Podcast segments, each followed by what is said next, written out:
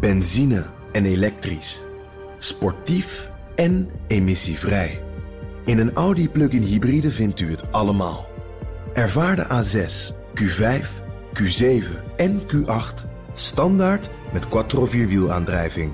Wat u ook zoekt, u vindt het in een Audi. Audi. Voorsprong door techniek. Iedereen heeft het over de mislukking van de G7. Wat maakt het eigenlijk uit?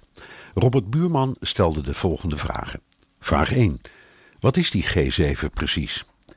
De G7 noemt zichzelf de groep van rijkste industrielanden: Amerika, Canada, Frankrijk, Duitsland, Japan en het Verenigd Koninkrijk.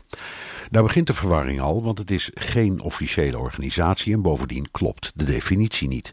De rijkste landen zijn Amerika, China, Japan, Duitsland, het Verenigd Koninkrijk, India en Frankrijk.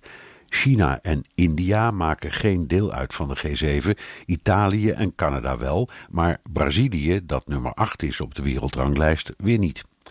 Vraag 2. Hoe is de G7 ontstaan? Dat was in 1975 toen de Franse president Giscard d'Estaing Duitsland, Amerika, Italië, Groot-Brittannië, Japan en Amerika uitnodigde om de economische gevolgen te bespreken van de oliecrisis van 1973. In 1977 nam de Amerikaanse president Ford het initiatief over en nodigde ook Canada uit. De agenda bleef ook in de jaren daarna voornamelijk economisch, met onderwerpen zoals werkgelegenheid, monetaire kwesties, energievoorziening en de bevolkingsgroei. In 1998 ging ook Rusland meedoen en toen heette de groep G8 tot de crisis rond de Krim en Oekraïne in 2014. Toen mocht Rusland niet meer meedoen. Vraag 3. Een economische praatgroep dus. Ja, maar door de jaren heen werd het steeds meer politiek, al zit er nog altijd een stevige dosis economie in. Grote crises zoals de oorlogen in Afghanistan en Irak en de politieke problemen in Afrika werden geagendeerd, maar ook valutaschommelingen tussen de dollar en de EMU, de voorganger van de euro. En natuurlijk handelsconflicten. Dat was deze keer ook zo, maar het liep totaal uit de hand. Donald Trump lag dwars, kwam te laat en vertrok voortijdig, maar ook de overige zes deelnemers konden elkaar niet echt vinden.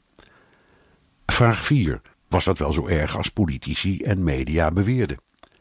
Volgens mij niet.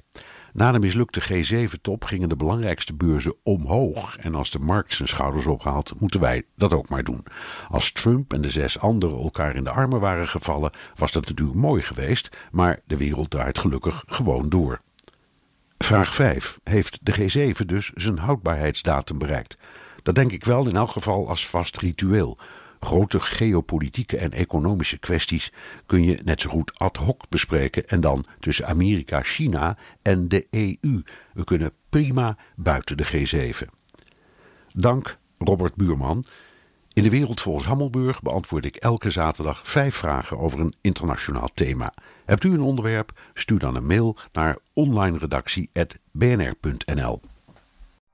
Benzine en elektrisch. Sportief en emissievrij. In een Audi plug-in hybride vindt u het allemaal.